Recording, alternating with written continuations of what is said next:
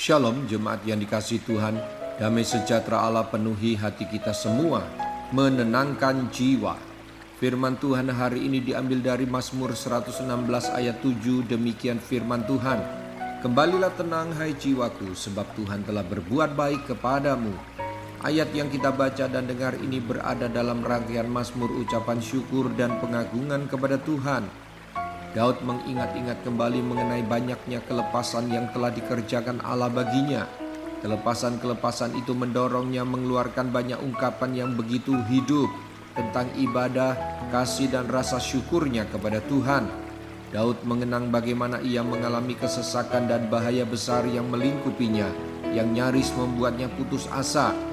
Dia juga mengenang pengalamannya akan kebaikan Tuhan terhadapnya di masa lampau bagaimana Tuhan menjawab doanya, mengasihaninya, dan meluputkannya, sehingga ia memutuskan akan menjalani hidup dengan bersuka cita di dalam Allah, dengan mengatakan, "Kembalilah tenang, hai jiwaku, janganlah gelisah dengan ketakutan-ketakutan palsu yang hanya membuatmu tidak tenang, sebab Tuhan telah memperlakukanmu dengan baik."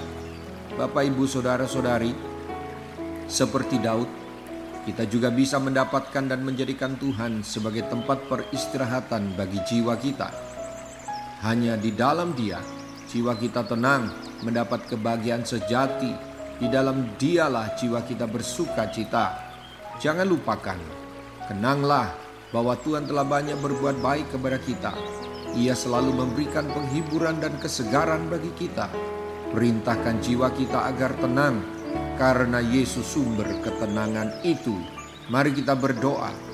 Tuhan Yesus, Engkau Allah Maha Kuasa, sumber ketenangan saya.